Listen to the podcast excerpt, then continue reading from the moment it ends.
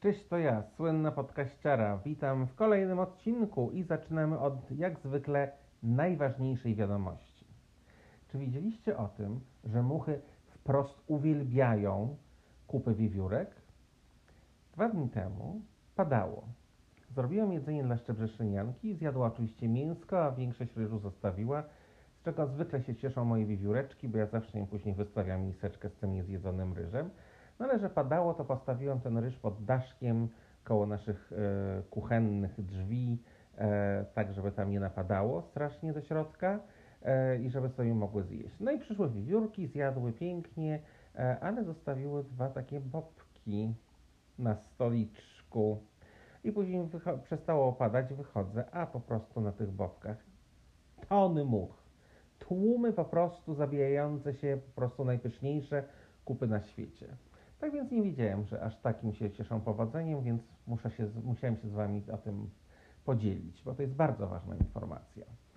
Kolejne to jakby przechodzimy do ciągu dalszego naszych e, wyprowadzek.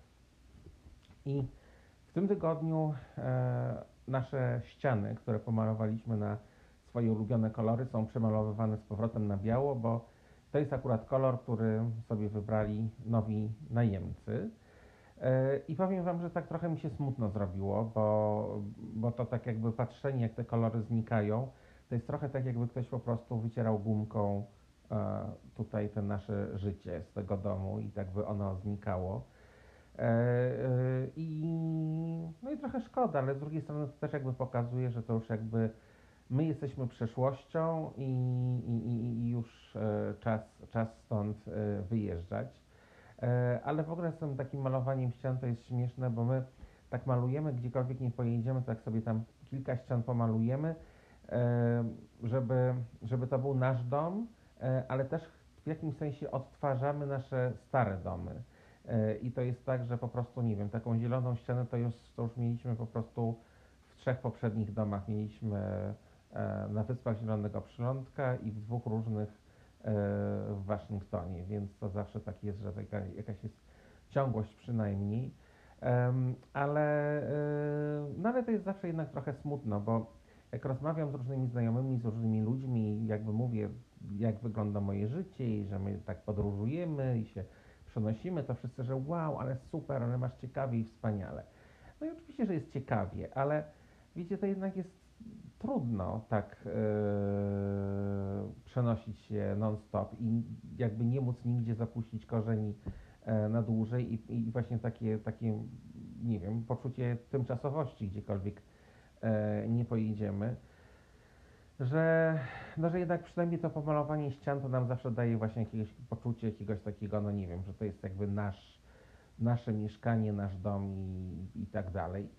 E, ale e, znam też mnóstwo e, osób, które po prostu w ogóle nic nie dekorują, bo my jakby przyjeżdżamy, to jest od razu, od razu musimy się rozpakować. W ogóle w tym mój mąż jest cudowny, bo ja to bym pewnie żył przez dwa lata w kartonach, a on po prostu, pierwsza rzecz to musimy po prostu wszystko wypakować, wszystko po prostu wyjąć z kartonów i od razu to gdzieś poustawiać.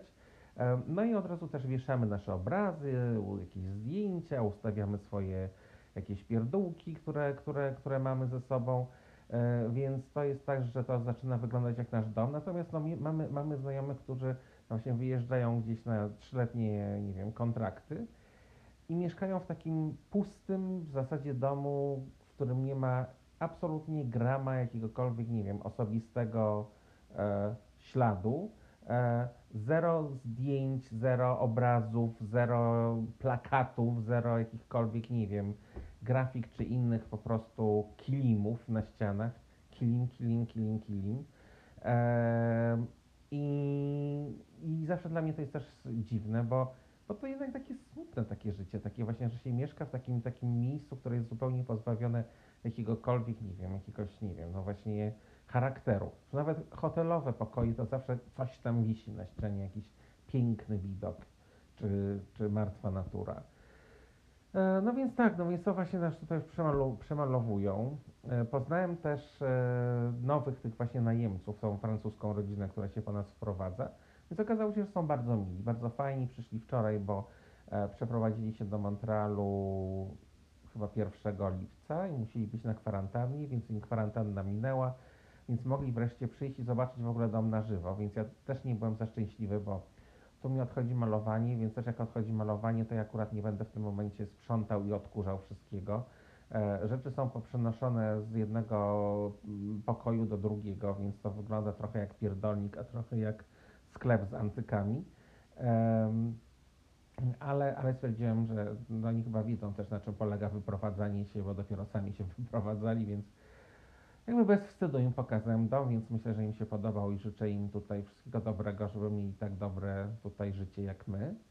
E, no ale też miałem takie momenty, że się na przykład, nie wiem, no popłakałem troszeczkę, jak e, zawiozłem e, swoje rośliny do, do mojej Julii, żeby się dalej nimi opiekowała, no bo ich nie możemy zabrać ze sobą. Więc to też był taki moment dla mnie takiego uświadomienia sobie, że no, że to jest właśnie już koniec, już naprawdę wyjeżdżamy, że to jest takie prawdziwe.